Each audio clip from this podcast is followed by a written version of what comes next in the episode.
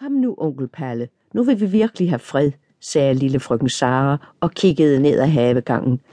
Hun havde skænket kaffe ude i det yndige lille lysthus i haven. Hun elskede denne lille idylliske plet, navnlig om foråret, når de blodrøde valmuer blomstrede. Det var for hende et symbol på sommer og kærlighed. Nu ventede hun på sin onkel Palle, som langsomt kom ned ad havegangen. Pallesen svarede ikke med ord, men med et af disse udtryksfulde smil, som hans søster datter Sara kendte så godt.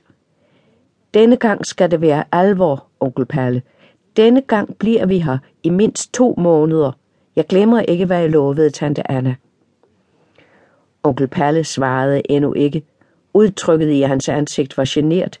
Han lignede en skoledreng, der er grebet i at snyde. Han smilte igen og rakte hånden ud efter kage. Pallesen var en ejendomlig mand. Han var middelhøj og slank med et sportstrænet skikkelse. Han havde et underligt benet ansigt med en læderagtig brun hud, gennempløjet af et utal af rynker. Det var et strengt og klogt ansigt med mørke gennemtrængende øjne. Han havde en stor smuk mund. Hver gang han smilte, forandrede den fuldstændigt hans udseende. Hans tæt klippede hår var næsten hvidt, skønt han ikke var meget over 50 år. Sara så opmærksomt på ham og nikkede. Ja, for du har vel ikke allerede indlagt dig på noget igen. Jeg kan se det på dig, onkel Perle. Det var altså det, han ville, den fremmede. Og du har sagt ja. Indrøm det bare. Du har indladt dig på en affære igen. Onkel Perle så på sin kønne lille søsterdatter. Det var mærkeligt. Hver gang der forestod noget stort, blev hun dirrende spændt.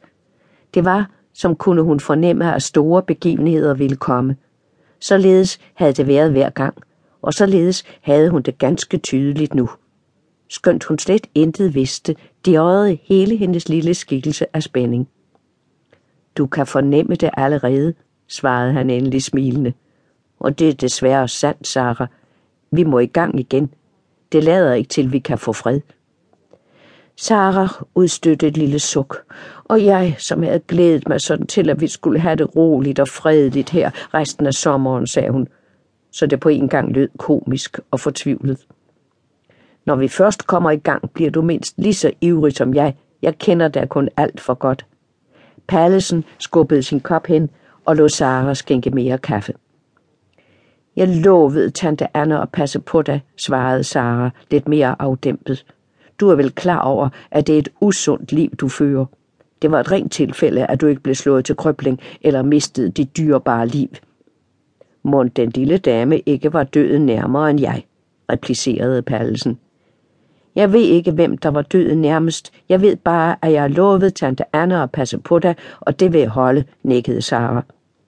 Pallesen kastede til at le. Du gør det glimrende, Sara. Du kaster dig i hvert fald ind i farerne sammen med mig.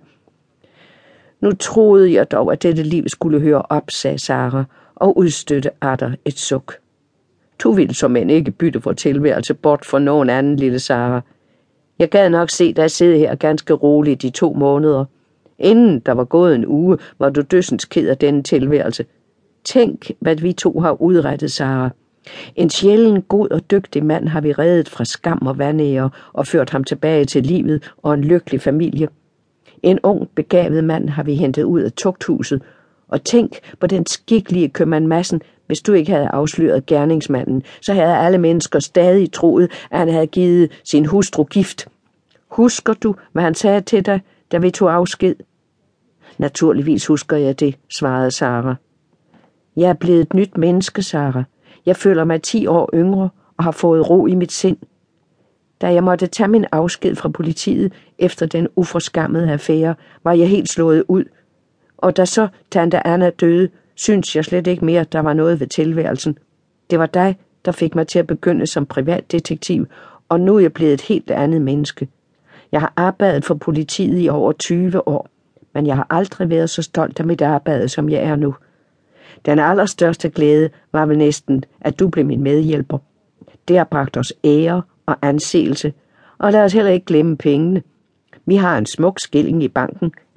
Vi kan nyde tilværelsen, og vi kan sige nej til det, der ikke passer os. Det er meget værd. Sara så på onkel Palle og nikkede. Det var